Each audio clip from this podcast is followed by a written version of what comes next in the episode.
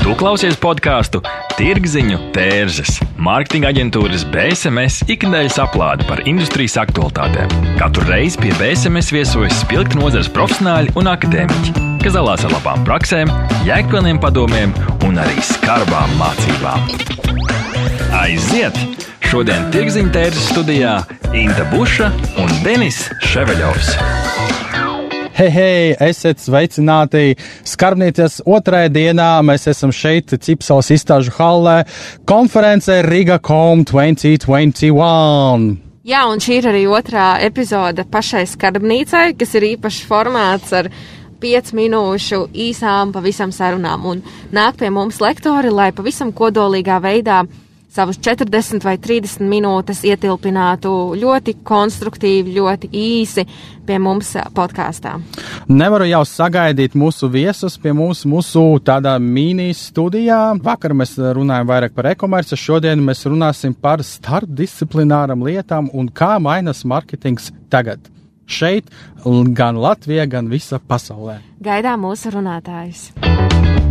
Tirziņa tērzes - tas ir vērtīgs saturs mūsdienīgam mārketinga speciālistam. Five benefits of using content management system. One example of Sitecore as a content management system, how we develop our digital marketing business online. And uh, yeah, we discussed that we need actually a lot of content management power. And to use single developer for this purpose is not an option anymore because it's quite too expensive. You can't afford, first of all, you don't have such a lot of IT people to support this, and uh, secondly, it's simply not uh, very beneficial from monetary perspective how much you invest and what outcome you have. So that's how content management system appeared. And then we realized that in the 20 years evolution of content management systems, they appeared not just the content, they appeared to be experience platforms with multiple benefits. And the first of benefit is for sure still stays as a basis content management where we can put uh, content on multiple languages, on multiple versioning, and multiple flows. Second benefit for us was uh, data. We all live in an era of data, and data is very important for us. We want to understand our users, we want to understand our target audience, how we work, and uh, we want to understand what our end client wants. And this capability Sitecore also have. The third benefit was is about omnichanneling. Uh, we all know that we are now not only living in a laptop, we have a lot of cell phones, we have a lot of tablets, we have a lot of devices connected to each other, and we want do not want to be disconnected from this reality. And uh, many of us running business not just sitting at the laptop, many of us running business just on the fly, on the go and uh, to support uh, different kind of points of models that Sitecore has to connect to these devices is very important nowadays to run the business. The third benefit was about digital marketing power. Digital marketing power, we all know that fail fast in the early stages of projects. It's make more sense when you invest around a year of your money and uh, you got uh, results that actually not satisfactory for your client and it's actually called fail. So fail fast, it's a normal practice, and it's always beneficial to have uh, different kind of models that coming out of the box, and you can user test your end user uh, already in the early stages of the project, like for example with A/B testing. As a harsh example, I can mention that we did a mistake. We're all doing mistakes by the nature where people we developed the product uh, on a Swedish market that was actually quite okay accepted. But the pain was that we produced a uh, product for the US market. And when we started to test the same design on the US market, we actually threw out three months of our work. And good that we did it uh, user testing in three months, neither when MVP was launched in one and a half year after.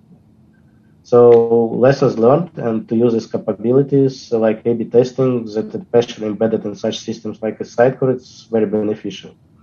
And last fifth benefit, what we were talking about, it's speed to market. Speed to market, it's actually your ability to reflect on the changes around you, reflect on the changes your competitors brings to this game when you compete with someone, and maybe actually you want to adopt the same methods what your competitors use uh, early stages and uh, we are not in the position right now to roll out something months or two. We are in a position that we would like to have fast rollout to the market. And for this, certain techniques, certain capabilities and models exist. We know that we are all living in a cloud and we, and our power, not our powerful laptop anymore. Our power is actually a power of cloud and uh, Sitecore include uh, cloud capabilities to connect easy and roll out any features with a quite pretty solid speed and I would say solid consistency. Uh, not bug free, nothing is bug free, but it's something what exists. And uh, we closed uh, today's conversation. I would like to encourage everyone to join Sitecore user group Baltics, what established one year ago, uh, specific by our group people from Accenture Baltics.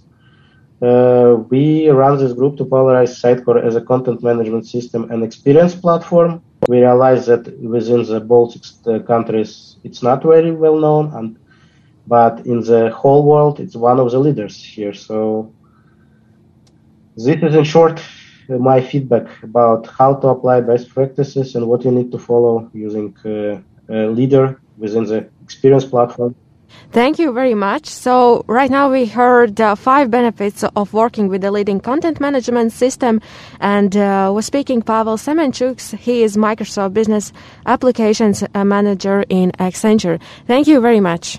Thank you. Bye. Tirziņa tērzes - tas ir vērtīgs saturs mūsdienīgam mārketinga speciālistam. Pie mums uh, ciemos ir Andrejs Žmiļevskis un Aija Šļahota. Abi no Omnicom Media Group un runās par digitālajām piezīmēm. Jūsu 5 minūtes sākas tagad. Paldies! Tad laikam es uh, arī sākšu. Uh, kopumā uh, šīs dienas prezentācija ir uh, vienkārši mūsu uh, uh, ideja padalīties ar uh, auditoriju, ar sabiedrību, ar savām zināšanām, ar savām digitālām piezīmēm par to, uh, uh, kas strādā digitālajā mārketingā, kas uh, kādus paņēmienus mēs izmantojam ikdienā, plānojot, optimizējot digitālas kampaņas. Un, jā, mēs varam iziet laikam cauri četriem uh, punktiem pamatā, par kuriem mēs runājam šodien. Tik ilgi laikam nerunāsim, jo mums ir tikai piecas minūtes. Nu jā, es vēl Andrei papildināšu to, ka uh, mums uh, nu, tā bija tās domas par to, kādai tai tēmai jābūt. Un uh, es sapratu to, ka varbūt vislabākais ir vienkārši atbildēt uz tiem jautājumiem, kurus tev realitātē uzdod klients. Un dažkārt tik tā, ka tu tik bieži atkārto vienu un to pašu visiem, jo, nu, dažkārt jau tie jautājumi neatšķirās, nu, lai arī dažādi, pilnīgi savādākas nozeres. Līdz ar to, nu, jā, tie maini jautājumi tomēr, man liekas, tika šodien atbildēti.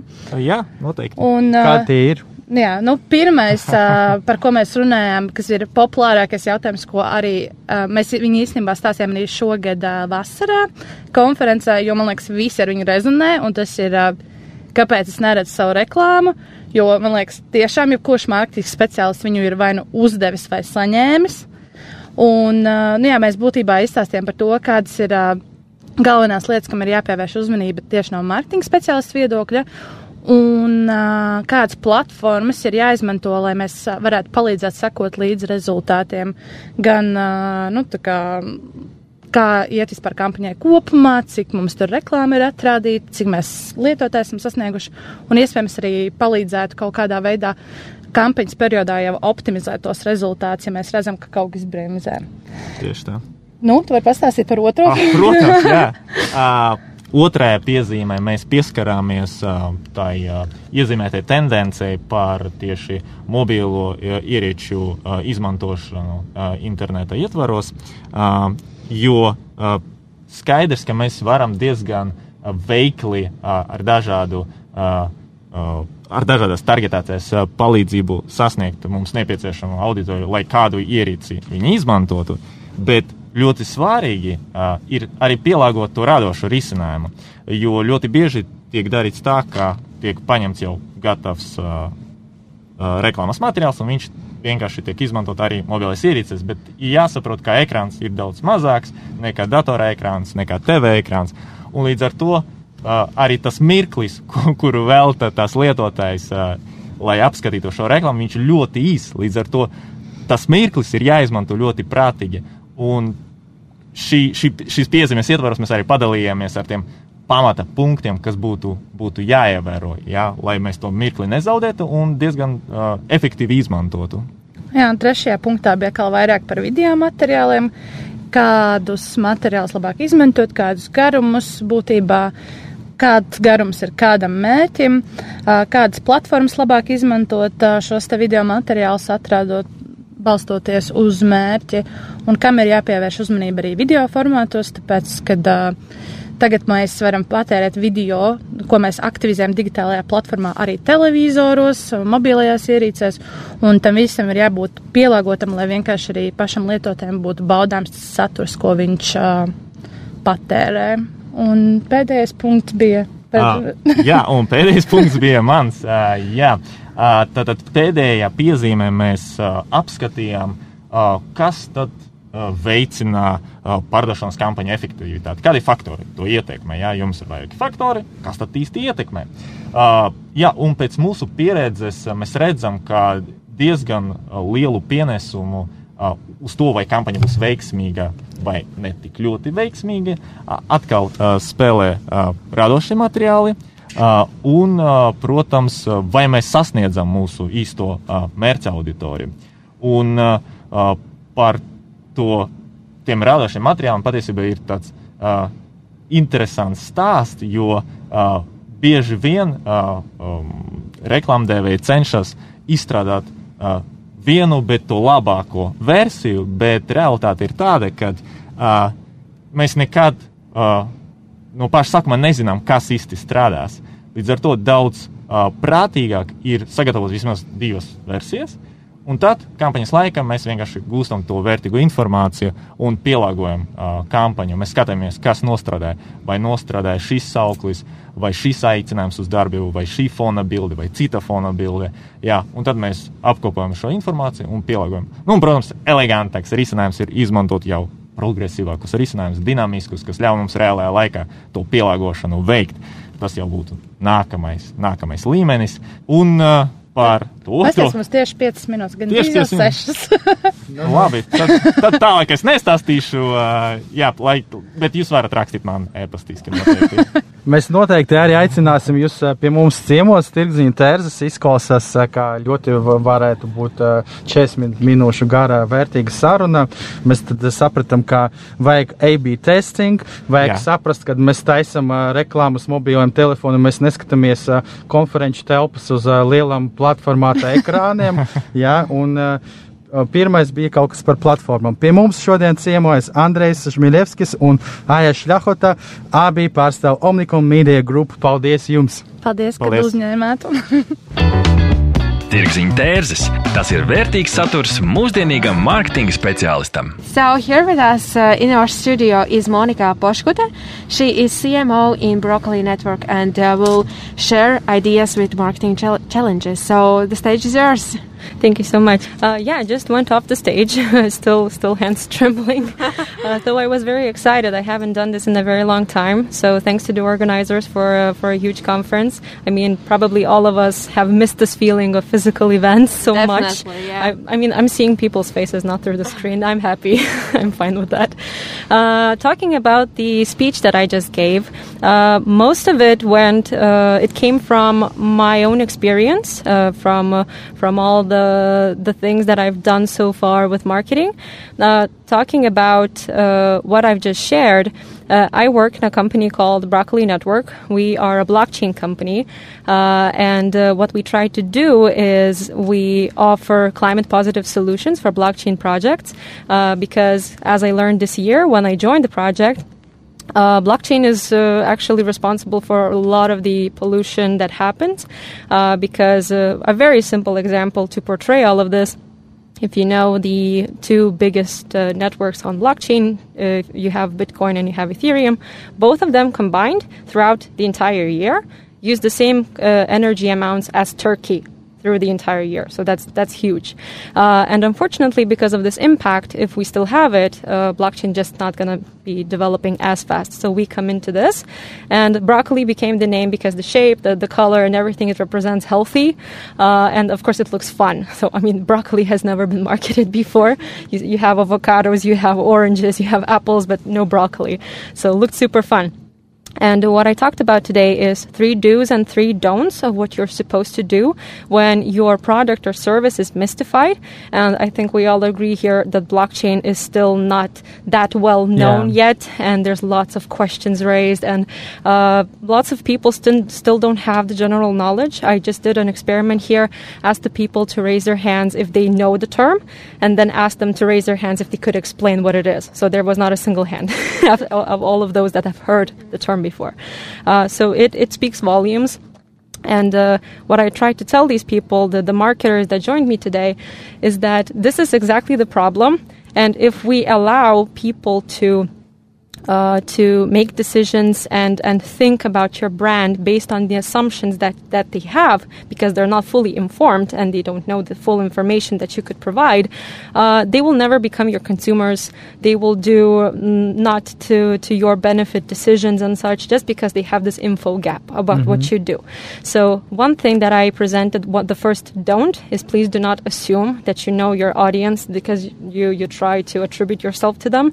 No, you need to go and ask ask. You need to understand what these people like, what how they want to be approached, and what kind of material channels. Maybe it's physical channels. Maybe it's just pure digital.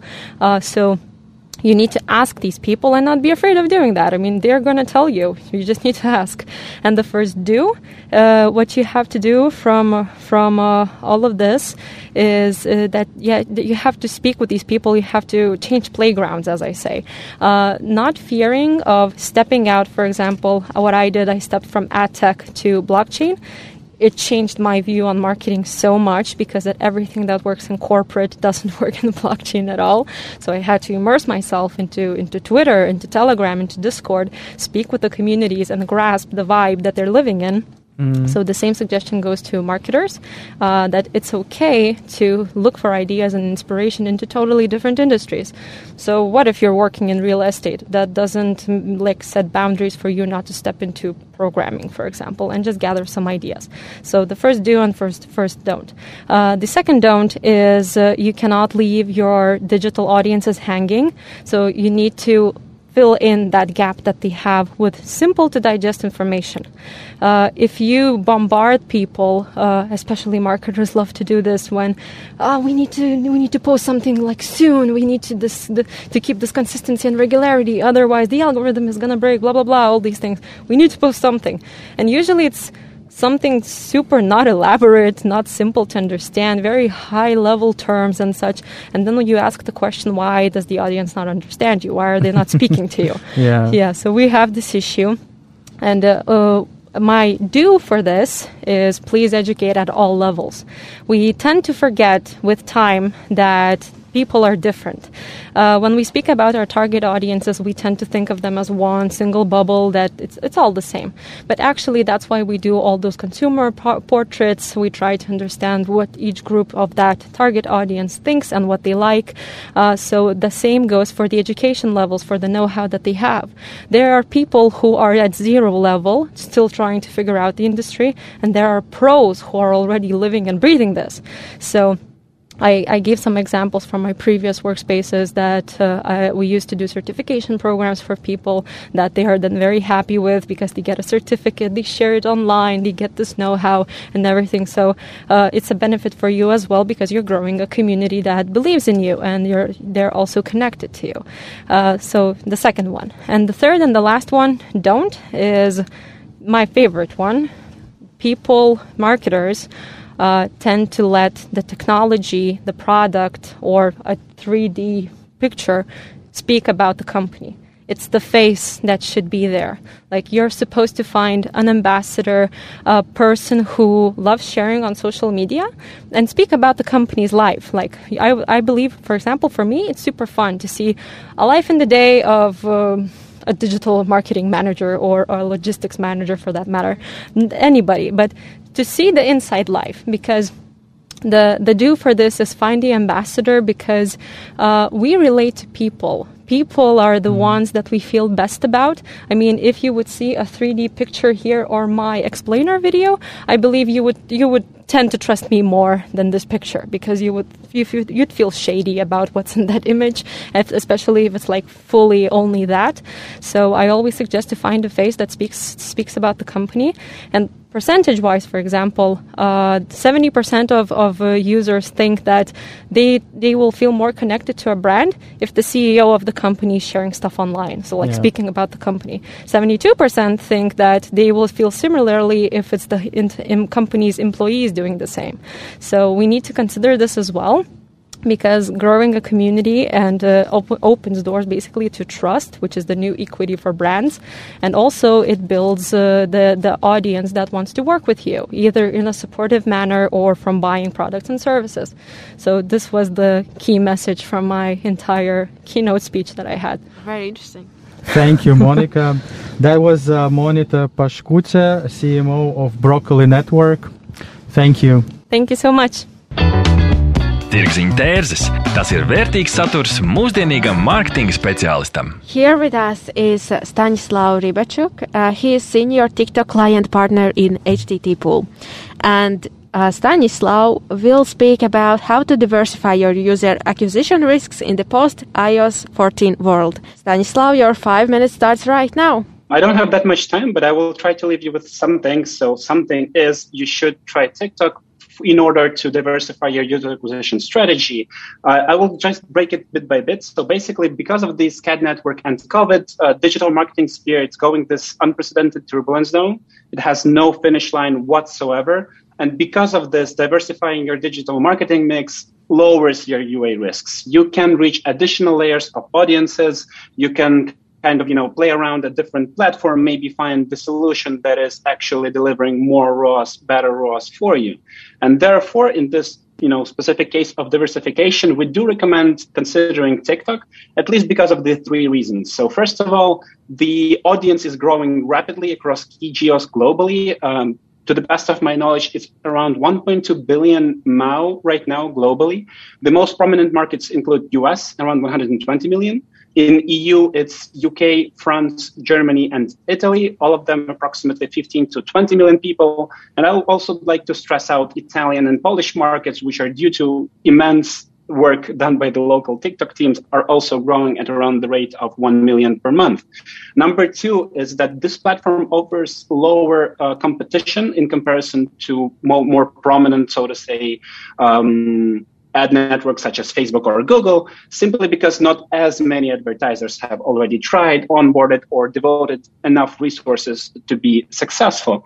Finally, um, TikTok offers new audience layers. So what I've started to talk with in comparison to Facebook globally, it's around 50% of additional users, the ones you cannot reach if you are only advertising on one specific platform. This is just the example, but still. So finally, if you should consider launching on TikTok, what should be your first steps? You know, how do you prepare and what do you do? Um, I have this few notes that I'd like to uh, leave you again with. I hope they will be helpful. If not, please reach out. Uh, I will be happy to elaborate. So first of all, we do recommend saving something around $4,000 of a test budget for a larger geo such as UK or uh, France, for instance, in the EU. And the logic here goes that all of the learnings in TikTok are happening on the ad group level. Uh, so basically, only your your ad group performance can only be achieved if it has enough data. And therefore, we recommend having something in between 20 and 40 deep funnel events, such as installs, pixel signups, pixel purchase, whatever you are looking forward to get. Um, in order for this specific ad group to perform on the daily basis. If we multiply everything together, so we usually recommend having like 10 to 15 creatives, which are um, scattered into two ad groups. So you have two ad groups you have around $20 or $15 max CPA, max cost per action, and you multiply that additionally with about seven to 10 days of campaign performance because unfortunately data is getting very, very slow in today's world because of SCAD and all of the advanced conversion uh, changes. And therefore you need around, yeah, seven to 10 days to make uh, reliable uh, decisions about your ad group performance. If you just multiply all of those numbers, you get to something like 3.5K. We also leave a little bit of money in case your initial creatives are not that successful because we're not gods of marketing. Sometimes we fail in predicting what our users want or need or will click on. So just allow for some of the budget to stay out of there in the case you're not successful immediately. Secondly, about creative. So uh, the key message of mine here is that you do not have to um, prepare something super TikTok specific. You might might have heard about this online. Like, you know, I have to hire an influencer. I have to make him or her dance, sing a song with Brandon Bald. It has to be super sophisticated, shot on a super expl- Yeah, I know, I know. Uh, it has to be like you know immense. That's entirely not true. Believe us, we are not maybe gurus or gods of TikTok marketing, but we do know our work. So you can adapt uh, creatives from Facebook, for instance. You have some top performing assets, and just consider this: you are selling to the same kind of people. It's not like they're from Mars or whatsoever. They're the same users that are using other platforms. The only thing you have to do is adapt. So, for instance, if you have this high performing Facebook creative please consider cutting it down in terms of time, you know, not just 30, 40 seconds, but down to something like four to 10, six to 10. That's our uh, kind of golden um, rule, uh, just because of the way users consume content on TikTok. So if on Facebook you're expected to read the, you know, the, the, the, the header of the article, whoever shared it from your family or friends and so on and so forth. What happens on TikTok is that you're relaxed. You're just consuming this entertainment videos, some of them more important, meaning that they're delivering some, uh, you know, extra value. Some of them are just pure entertainment. Whatever it is, you're scrolling. You're pretty fast with your fingers. So you have to make sure that uh, you grab users' attention from second zero. Your brand has to appear in second zero. Your product has to appear in second zero. Um, long story short, adapt from Facebook, cut add music. That's super important. Add music, otherwise you'll get banned. And it's, you know, the whole platform is around the sound design. Uh, trim it down and off you go. You have your initial 10 to 15 creative assets available. Finally, you can add music on and some of the overlays inside the ads manager of TikTok. So if you don't have music rights or whatsoever, you just don't want to, you know, mess around with this, just go to ads manager, add certain songs, and you already have even variations of your creative in order to launch more ad groups because some of them might be more successful. Now, uh, in terms of the technical um, integrations. For apps, you would need to integrate MMP, so mobile measurement partners such as AppsFlyer or Adjust or Kochava whatsoever. For um, web funnels, you need to consider either TikTok Pixel or Conversion API. And yes, copy is available as on Facebook. For those of you who have tried it, you probably noticed the approximately 25 to 45 additional percent uh, of events uh, flowing through the server uh, to your ads manager rather than Pixel misdistributing because of all of the um, IDFA changes, GDPR in the EU, EU is specifically uh, injured, so to say, by the new rules in terms of marketing performance. Uh, almost finally, you need to understand your unit economics. So approximate LTVs, the lifetime value of your users, and approximate max CPA, the maximum conversion cost per action you're willing to achieve before launching. That's extremely important because a lot of advertisers just, you know, they don't care as much. They expect it to simply work. Uh, they just launch and it's done. That's not apparently how life runs. So we as performance marketeers in order to help you as your partner or your uh, media marketing manager or media buyer in the first place they need to have some some image in their head of approximately what numbers they should be looking at. Otherwise they're making hectic decisions. They're losing money for your business and not allowing you to make any kind of reliable uh, projections about tiktok. And finally i don't know how much time i have left but i hope i have a minute. Um, you need one reliable partner to get that going. Um, we are free. I guess that's the only thing i should say. Uh, http is free. We're not an ad network ad agency. We are your official partner. We have our agreements with the platforms directly. We will not charge you anything extra uh, in comparison to what is shown in your ads manager. But believe me, we will give you a lot and a lot of insights and data, mostly because we're working not only with TikTok or Snapchat or Facebook, we're working with all of them combined. We know how you know clients succeed with either or we can draw certain conclusions we'll be happy to share what we are allowed to and help your business grow phew that's that's it Thank you very much for these practical and specific uh, recommendations. So here with us was Stanislav Rybachuk uh, from HTT Pool. He is senior TikTok client partner. Thank you very much. Thank you. Thank you so much. Enjoy Bye. your day. Bye bye. Tirziņa tērzes - tas ir vērtīgs saturs mūsdienīgam mārketinga speciālistam. Pie mums studijā pašreiz ir Diana Gabrāna Žukova. Viņa ir Snap Inc. Emerging International Business CEO un runās par tēmu Go Global with Snapchat. Diana, tavs 5 minūtes sākas uh, tagad.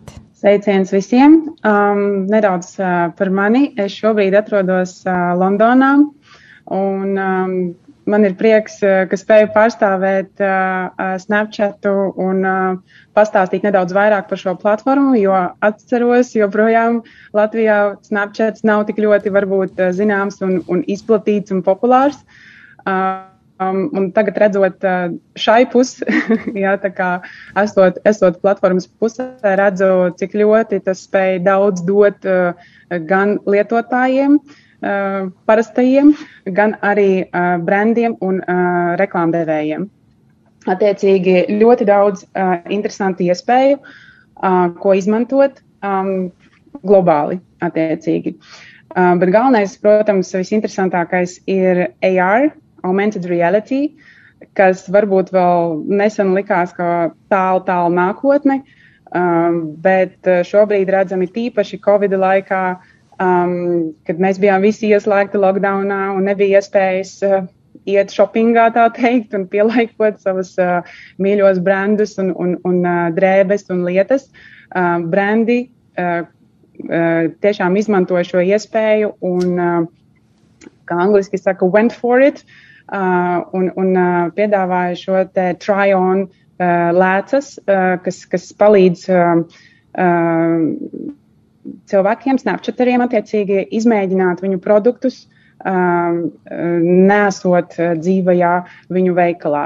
Tātad šis te shopping experience paliek aizvien pieejamāks, arī attālināti, un īstenībā šīs lēcas uzražot nav nemaz tik sarežģīti, kā tas varētu likties. Uh, It īpaši, ja mēs no platformas puses um, tiešām diezgan uh, fokusējamies uh, tīpaši šogad un nākamajā uh, gadā uz, uz to, lai palīdzētu uh, reklāmdevējiem uh, izmantot šo te uh, foršo interaktīvo uh, formātu. Jo Snapchat arī kā tādi ir ļoti pieraduši pie AR, pie tādas uh, pieejamas informācijas, kur varbūt nav obligāti um, šie te polished reklāmas, ja, šīs te super tādas apstrādātās, skaistās reklāmas, kuras mēs esam pieraduši redzēt, varbūt vairāk televīzijā. Tad uh, Snapchatteris kā tāds ir bijis savādāks cilvēks, kurš ir pieradis um, kontentu uh, nedaudz savādāk izmantot. Uh, um, še, šī ir vairāk platforma draugiem, kas savā starpā dalās ar īstiem momentiem, ar īstām pieredzēm, ar to, kādi mēs patiesībā esam. Un, um, ja mēs pārējām uz šo te useru vairāk pusi, ja, tad um, es varu arī pateikt par sevi, ka, teiksim, Snapchatā man ir mazāk draugu, bet tie ir tie draugi, ar kuriem es komunicēju ikdienā. Un tas ir tas, kā Snapchats un Snapchat arī jūtās uh, un, un kā, viņi, kā viņi interaktē. Līdz ar to šī komunikācija ir ļoti patiesa, un Snapchat arī ļoti uzticās šai informācijai, ko viņš saņem no drauga.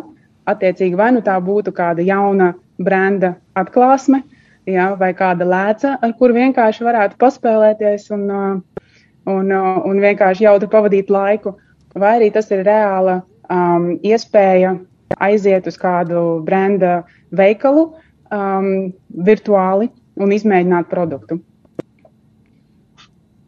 Diana, saki, kādas ir tavas, teiksim, skarbākās mācības, ko tu esi sapratusi par šo tēmu runājot un domājot? Uh, skarbākās droši vien ir tādas, ka liekas, kā jau minēju pašā sākumā, ka tas ir kaut kas ļoti sarežģīts un ejārs tā ir nākotne un roboti un kosmos un kaut kas tāds ļoti nepieejams. Bet patiesībā mm, šīs lēcas un ejārs kā tāds, viņš ir diezgan dalās, protams, sarežģītībā, dalās tajā arī kreativitātē, radošajā lidojumā. Um, fantāzijai, protams, nav robežu, un ir uh, ļoti dažādi kreatīvi uh, risinājumi redzēti, um, jo šī, te, šī te iespēja ir ne tikai mainīt varbūt to uh, realitāti ap sevi, vai papildināt, jo ERS principā viņš papildina tikai. Ja? Tas nav tā kā VRs, kur mēs pilnībā iejūtamies kaut kādā nereālā pasaulē. ERS viņš ir papildina tavu esošo realitāti, kas tev ir apkārt. Nu, lūk, tātad, uh, tas nav tik sarežģīti, jo ir visādi preset modeļi, no kuriem var tālāk attīstīt savu lēcu, savu AR risinājumu. Tātad tas ir kaut kas tāds, kas jau ir izdarīts brenda vietā, uz kā var piebūvēt kaut ko klāt. Attiecīgi, kas ir nepieciešams brendam. Vai nu tā būtu, um, nezinu, kosmētikas izmēģināšana, tad vai nu kaut kāds mākslīgās um, skropstu efekti, uh, vai nu tas būtu, nezinu, ķēdes, kuras mēs pielāgojam uz savas kājas, vai kāda somiņa, ja? un beidzot ar dažādām arī uh, gaminga uh, specifektiem, kur mēs varam redzēt, nezinu, puķi, kas uh, ierodās mūsu uh, istabā, ja un tā tālāk. Tā kā ļoti daudz un dažādas iespējas, par kurām vienkārši mēs no savas puses cenšamies informēt un izglītot un pastāstīt, ka tas patiesībā nav tik sarežģīti, ka tas nav tik ļoti nākotnē, ka tas viss ir šeit un ļoti daudzi zīmoli to jau izmanto. Diana, man ir jautājums, mums ir ļoti maz datu vispār par cik daudz no Latvijas ir uh, Snapchat lietotāji. Jūs varētu atklāt kaut kādus ciparus, Uh, nu, tagad varbūt ciparus es gluži tā neatklāšu. Es varu pateikt kopējo ciparu, kas ir pasaulē, ja, kas ir uh, 293 miljoni daily active useri, ja, kas ir pašā, visā pasaulē. Protams, numur viens ir uh, Amerikas tirgus, ja, bet ne tikai, piemēram, tā pati uh, uh, Francija, UK, uh, Vācija, ja, ir ļoti aktīvas, uh, Kanāda, Indija. Tātad ļoti atkarīgs attiecīgi, kur mēs gribam targetēties kā biznesa. Jā, tātad, bet šīs iespējas ir visiem atkarībā no tām biznesa vajadzībām, teiksim tā, jau uz kuriem marketiem mēs, mēs gribam targetēties. Bet šīs iespējas ir un katrā, katrā geogrāfijā šie cipari atšķirsies, tāpēc tur jāiet un jārok dziļāk, tā teikt. Jā. Un visās varbūt valstīs ir iespēja targetēties ar reklāmu. Piemēram, ir Latvijā un Igaunijā ir iespēja izmantot Snapchatu kā userim, bet kā biznesam, jūs gribēsiet reklamēties, Latvijā jūs attiecīgi neredzēsiet reklāmu. Okay, tad, ja mēs dum, runājam par, par vietējiem uzņēmumiem, kuriem interesē starptautiski e, tirgi, tad uh, Snapchats būtu tā platforma. Bet, ja mēs Jā. gribam uzrunāt vietējais patērētājs, mums vajadzētu, jums vajadzētu popularizēt sevi lietotāju starpā. Jā, nu mēs esam diezgan. Uh, jauni. Mēs burtiski pagājušajā mēnesī nosvinējām desmit gadus. Ja, un šie desmit gadi, protams, priekš tāda startup ir daudz, ja, bet priekš, teiksim, varbūt uh, lielākas kompānijas kā, kā kāda cita platforma, ja, tas varbūt nav tik daudz. Ja, tātad uh, pie šī tiek strādāts un ir tīpaši uh, kaut vai tas pats fakts, ka tiek uh, radītas jaunas komandas. Um, šī pati komanda, kurā es arī šobrīd ietilpstu, ja SI reģionam mm -hmm. atvēlētā, tā ir nesen izveidota um, atsevišķa divīzija uh, Snapchatā. Līdz ar to um, tas tikai vien parāda, ka interese un uh, user base aug. Līdz ar to arī mūsu reklāmdevēji ja, uh, skaits palielinās. Līdz ar to kā, uh, potenciāls mums ir un pie tā mēs strādājam. Nu, lieliski, paldies tev, Diana, liels par tavu ieskatu Go Global with Snapchat tēmā. Ar mums šodien tikko bija Diana Gabrāna Žukava no Snap Inc. Paldies! Tā! Paldies! Tirziņa tērzes - tas ir vērtīgs saturs mūsdienīgam mārketinga speciālistam. Rolands Ozoliņš ir IBD Consulting uh, uzņēmuma starptautiskā biznesa attīstības konsultants, un viņš runās par tēmu, kā ir mainījies mūsdienu mārketings un pārdošana. Roland, jūs 5 minūtes sāks tagad. Jā, tad, uh, es jau savu saku, runu esmu izteicis. Un tas, par ko es runāju, tas, tas, ar ko es pats personīgi esmu ļoti aizrāvies, kam es ļoti ticu un ko mēs darām profesionāli jau uh, vairāk kā četrus gadus. Uh, Tad es runāju par šīm divām, divām tendencēm, kas uh, visu laiku lēnām ir nākušas un kas Covid uh, rezultātā ir ievērojami, ievērojami pātrinājušās. Tad tās divas lietas tas ir uh, šī te, uh, B2B tehnoloģiju pircēju uzvedības maiņa, un otra lieta ir tehnoloģiju interneta ārkārtīgi plašā pieejamība.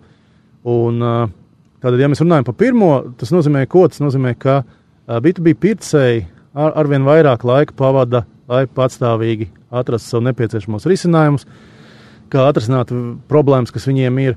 Un, savukārt pēc Covid tas mainījās vēl dramatiskāk. Izrādās, ka 49% pircēji ir gatavi samaksāt vairāk kā 50 tūkstošus par pirkumu, nekad nesatiekot pārdevēju klātienē. Ja. Un uh, otra lieta, tātad, protams, protams, interneta izplatība, kas ir, kas ir visur, dažādu veidu ierīcēs, un principā cilvēki mostas pie ekrāniem, viņi pavada dienu pie ekrāniem. Braucot, skatās ekrānus, klausās podkāstus, un vakarā pirms gulētiešanas viņi arī ir pie ekrāniem.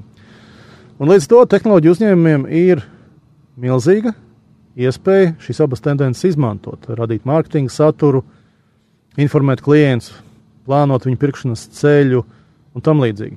Nu, un ar šo lietu mēs paši, IBD Consulting, mēs profesionāli nodarbojamies vairāk kā četrus gadus. Mums klienti visā Eiropā, strādājam ar klientiem no Kanādas līdz Itālijai, līdz uh, Ukrainai, Krievijai, arī, mm, arī Latvijā.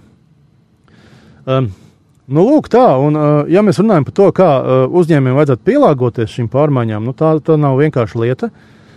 Nu, faktiski mēs runājam par digitālo transformāciju. Nu, un, uh, pirmā lieta, kas nepieciešama, ir tas, ka uzņēmējiem ir jānodrošina produktīva sadarbība starp mārketinga un pārdošanas nodaļu. Jā, un vēlams, lai viņiem būtu viens vadītājs abiem diviem. Um, otra lieta, kas jānodrošina, ir jauno zināšanu apgūšana. Un, uh, es teiktu, ka uh, Šobrīd, ja mēs skatāmies uz uh, uzņēmumiem, tad galvenā problēma ir tā, ka mārketinga vadītājiem trūkst izpratnes par to, kā ieviest uh, uh, mārketinga un pārdošanas sistēmu. Tad kā izmantot saturu, lai piesaistītu auditoriju, kā izmantot mārketinga automatizāciju, lai šo auditoriju turpinātu izglītot, lai uzturētu ar viņiem attiecības, un kā izmantot analītiku, lai saprastu, kurā brīdī šie cilvēki ir nonākuši tādā veidā, saka, stadijā, kad viņus ir vērts nodot tālāk pārdevējiem, kas nozīmē, ka pārdevējiem ir viegli strādāt ar kvalificētiem klientiem, kas jau ir izglītoti, jau ir izlasījuši, teiksim, e-grāmatu, jau ir bijuši webinārā, jau varbūt izmantojot online kalkulatoru, sa ir sareiķinājuši savus iegūmus. Un tad šī saruna ir vienkāršāka, pārdošanas resursi tiek izmantoti produktīvāk un tā tālāk. Nu, un šo te lietu un pieeju mēs esam redzējuši, kā tā darbojas faktiski nu, visā uh, visā, visā Eiropā. Tās, tās ir universālas lietas, bet e, jāsaka, ka kaut kāda iemesla dēļ, ja mēs skatāmies globāli, tad uh, B2B tirgos digitālo mārketingu ļoti sekmīgi izmanto amerikāņi. Jā, viņi gadus 3, 4, 5 priekšā Eiropai. Lielbritānija droši vien varbūt gadu atpaliek no ASV, bet kontinentālā Eiropa, nu, tā situācija ir nu, kaut kādā mērā nelāga. Uzņēmumi tomēr ļoti nopietni atpaliek. Nu, piemēram, pirms pāris gadiem bija mm, veikts pētījums par Microsoft partneriem, un tur tika sarindoti 500 uh, labākie, spēcīgākie digitālā mārketinga ziņā Microsoft partneri visā pasaulē. Un no 500 partneriem, kā jūs domājat, cik bija no Eiropas? Divi. Nē, vairāk. 37. Ja? Un, uh, patiesībā tas ir liels pētījums. Šo skaitu es skaitīju pats, un varbūt es nokļūdījos, bet, bet man, man, man atmiņā stāv uh, 37. Un, tas nozīmē, ka faktiski tehnoloģiju uzņēmumiem Eiropā, tā skaitā Latvijā, ir ārkārtīgi liels iespējas tirgu, jo konkurence ir maza. Maza konkurence nozīmē, ka cenas par reklāmu arī ir lejā. Mm -hmm. Pie, pieņemsim, ja, ja mēs skatāmies, cik mums maksā radīt pieprasījumu Savienotajās valstīs, ja, tad iespējams par vienu, kvali, vienu līdu, pat nekvalificētu, bet par vienu reģistrāciju, teiksim, e-grāmatai, webināram mēs mierīgi varam maksāt 100, 200, pat 500 dolārus. Mm. Zviedrijā, piemēram, mums bija kampaņu. Uh, Zviedrijā, piemēram, mums kampaņā izmaksāja līdz apmēram, apmēram 100 eiro. Tepat blakus mums ir Austrum Eiropas tirgus. Austrum Eiropā mēs redzam nakal un nakal, ka, teiksim, līdz maksā pat tik maz kā, teiksim, kādi 5, 6 eiro par e-grāmatas leju pielādi. Ja, tad, tad atšķirības cenās ir uh, milzīgas. Un šīs atšķirības aicinātu izmantot, uh, jo, protams, uh, Daudz uzņēmumu tēmē uz uh, rietumu tirgiem, kas ir laba doma, laba ideja, bet uh, tās ļoti dārgas mārketinga izmaksas. Uh, kamēr Austrum Eiropa un īpaši mm, Eiropas Savienības austrumu valstis arī ir ļoti labs tirgus, tas ir augošs tirgus, GDP visiem iet uz augšu. Mārketinga izmaksas tur ir zemas, risinājumi ir vajadzīgi. Turklāt mazākas valstis bieži vien ir vairāk atvērtākas sarunai svešinieku nekā teiksim, tie paši skandināvi. Skandināvijā ir tradīcijas, ja es pērku no tevīm, tāpēc, ka uh, pirms otrā pasaules kara mana vectēva patēls pirka no tavas vec, vec, vecmammas. Ja?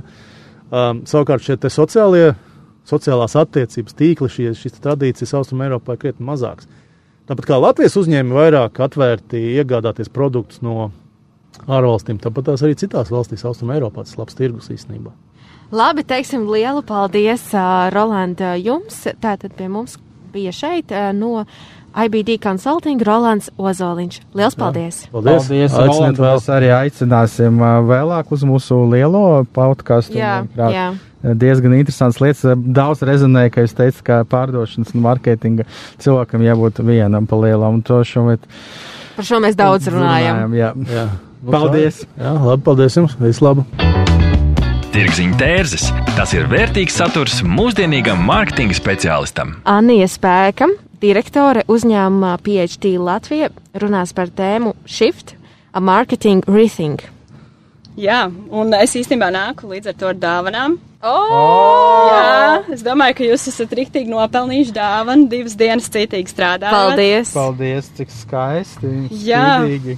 Un uh, shift līdz ar to ir arī mana šīs dienas tēma, un uh, tēma, par kuru mūsu aģentūra tīkls uh, uh, tikko kā pavisam svaigi ir sācis runāt, un tās ir dažādas pārmaiņas, kas ir notikušas gan industrijā, gan tādā pēc Covid laika, gan tām industri, par tām industrijas pārmaiņām, kas mums ir jāveic iekšēji, lai atbildētu uz šīm industrijas pārmaiņām.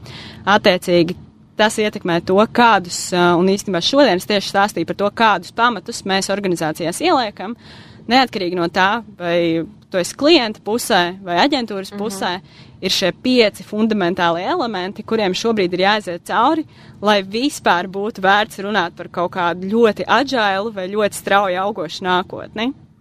Un šie pieci elementi, pirmais noteikti ir tehnoloģijas, tehnoloģijas un to, kādas tehnoloģijas ir šobrīd mūsu uzņēmumā, cik daudz no tām ir kaut kādas vēsturiskās organizācijas, vecie CRM, kas ir palikuši vienkārši tāpēc, ka tur ir visi dati, visi kārtībā.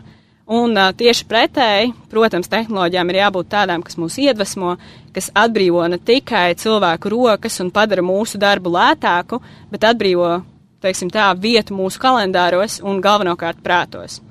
Uh, citi piemēri šiem pašiem pamatiem ir, uh, piemēram, uh, procesi, procesi, kuros mēs esam iekrituši, un arī ar šiem procesiem ir līdzīgi. Bieži vien ir procesi, kuros mēs esam inerces vadīti, mm -hmm. un līdz ar to uh, tos arī ir grūti mainīt, jo, ja tas jau ir noticis kādu laiku un inerces veidā atkārtojas, uh, procesu nav iespējams izmainīt, uh, ja netiek skarti cilvēki, kas ir iesaistīti šajos procesos.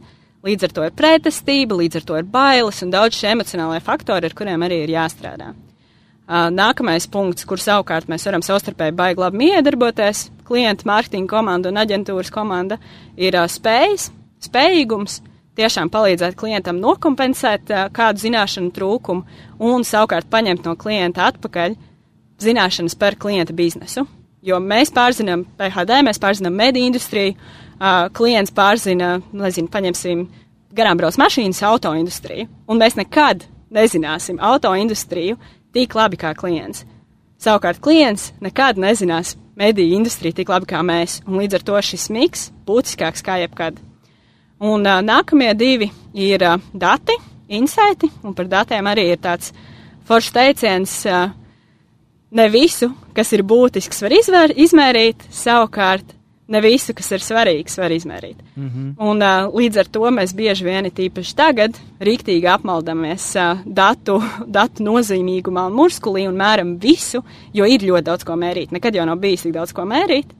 Un uh, tur ir jāizdara tā izvēle, kā mēs ar to situāciju rīkojamies. Un tāds easy way out ir apkopot datu avotus, salikt to visu vienotā skatā.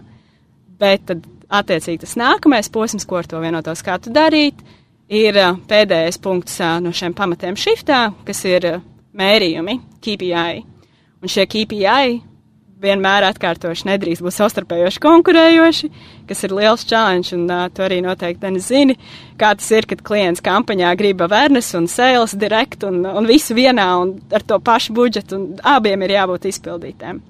Bet uh, tas shift challenge nākamajā līmenī jau ar šo jautājumu par KPI, aicinot domāt par saliktajiem KPI-iem, kad attiecīgi ir viens KPI, kurš saliek gan šos ilgtermiņa mērījumus un īstermiņa mērījumus. Mm -hmm. Un tas baigais challenge, un uz to daudziem īsti nav atbildes. Tas tāds īsumā tieši par to daļu no shift stāsta, kas tika apstīts šodienā. Un ar šo uh, mēs noslēdzam mūsu otru dienu. Pie mums uh, viesojies uh, ciemos Anija Spēka, PHD Latvija direktore. Paldies, un tā! Paldies, un tā! Tirziņa tērzes. Tas ir vērtīgs saturs mūsdienīgam mārketinga speciālistam. Sveiciens visiem! Paldies, ka noklausījāties šo epizodi par otro Riga kom dienu. Mēs esam runājuši šodien ar gandrīz desmit viesiem no digitālās skatuves. Un ne tikai, un esam pieskārušies diezgan daudz arī dažādām tēmām, tieši tāpat kā vakardien pirmajā Riga kom dienām. Denis, kādi tev iespaidi? Man ir milzīga pateicības sajūta. Paldies mūsu visiem partneriem. Tā skaitā Riga.com, kā piekritat mūsu eksperimentam un bija tik pretimnākoši un sārg palīdzēt mums dabūt visus pir, pirmas un otras dienas runātājus. Paldies arī Isku, kas iedeva mums šo skaņas izolācijas kabīne. Šeit mēs pavadījām ar Intu divas dienas un ar visiem runātājiem un varam apliecināt, ka gandrīz neko nevar dzirdēt, un šeit var apsēsties dažāda izmēra cilvēki. Un uh, četri Es domāju, ka varbūt pieci arī varētu būt. Kā arī mēs arī sakam lielu paldies mūsu komandai, BSMS un BS studiju par to, kā palīdzēt salikt visu un arī demontēt šo visu. Tas vēl būs priekšā. priekšā jā. jā, un um, interesanti, kā vispār aizies mūsu skatu klausītājiem šīs saturs. Tāpēc, mīļie klausītāji, uh, es ceru, ka mūsu, jūsu starpā ir arī daži fani parādījušies Gaidīsim no jums atgrieznisku saiti. Jūs varat rakstīt komentārus, sūtīt mums e-pastus. Ja jūs gribat dzirdēt vairāk no konkrētiem vakardienas un šīs dienas runātājiem, lūdzu, dodiet mums šo zināmu, tad mēs organizēsim. Mēs ar Intu arī šādā ātrā veidā iepazināmies ar interesantiem cilvēkiem, kurus mēs jau uzrunājam, un viņi būs dzirdami tirgziņa tērzes uh, jau pavisam drīz. Kādas tev ir atziņas?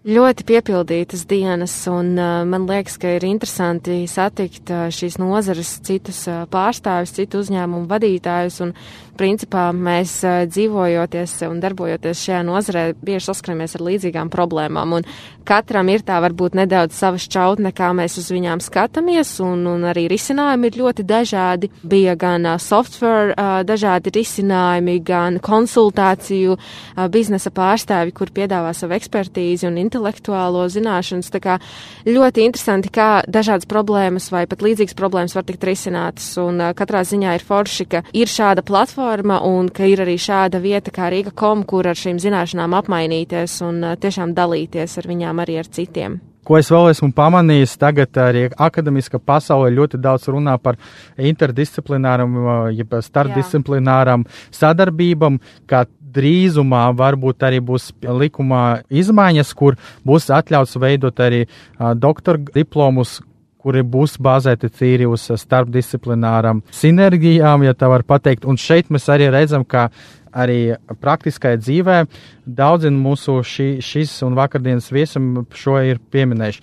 Vai tā varētu būt IT savienojums un uh, vienkārši kaut kādu deklarēšanu, atvieglošanu, nodokli. Tad tikko mums arī bija Anija Spēka no PHD, kur ir runājusi, kā vispār notiek mārketinga pārmaiņas, marketing, rethink un shift. Mēs to redzēsim. Un uh, arī vēl viens runātājs teica, ka pārdošanas un mārketinga cilvēkam jābūt vienām vai vismaz tām komandām, kā mēs ar Intu pamanījām, ka, ko mēs arī darām pie mūsu BSMS, kā mēs sadarbojamies ļoti cieši, jo mērķi mums ir principā vienādi visiem jābūt tā. tā kā, un tie dati ir tik viegli iegustami tagad, kā galvenais saprast, ko mēs gribam mērīt un kā mēs sapratam, kāds tas ir veiksmīga darbība. Un bez sadarbības ar uh, citām disciplīnām, manuprāt, tas nebūtu iespējams. Liels paldies mūsu partneriem! Pavisam noteikti liels paldies uh, ceļo pie Rīga.com! Un, uh, jā, arī mūsu kolēģiem. Paldies, Denis, ka biji šīs divas dienas kopā ar mani arī šeit. Um, Paldies tev arī, Inta. Un, uh, klausītāji, jā, mēs uh, gaidām jūs. Uh, jūsu komentārus, jūsu ieteikumus un jūsu idejas nākošajām epizodēm un viesiem jaunajā gadā. Tā! Čau! Paldies, ka klausījāties BSMS podkāstu Tirziņu tērzes. Aplādi ar labām praktiskām, jēgpilniem padomiem un skarbām mācībām. Patika epizode? Dalies sociālajos medijos, ir idejas tēmām vai viesiem? Raksti mums! Tās bija Tirziņu tērzes. Tiekamies nākamnedēļ!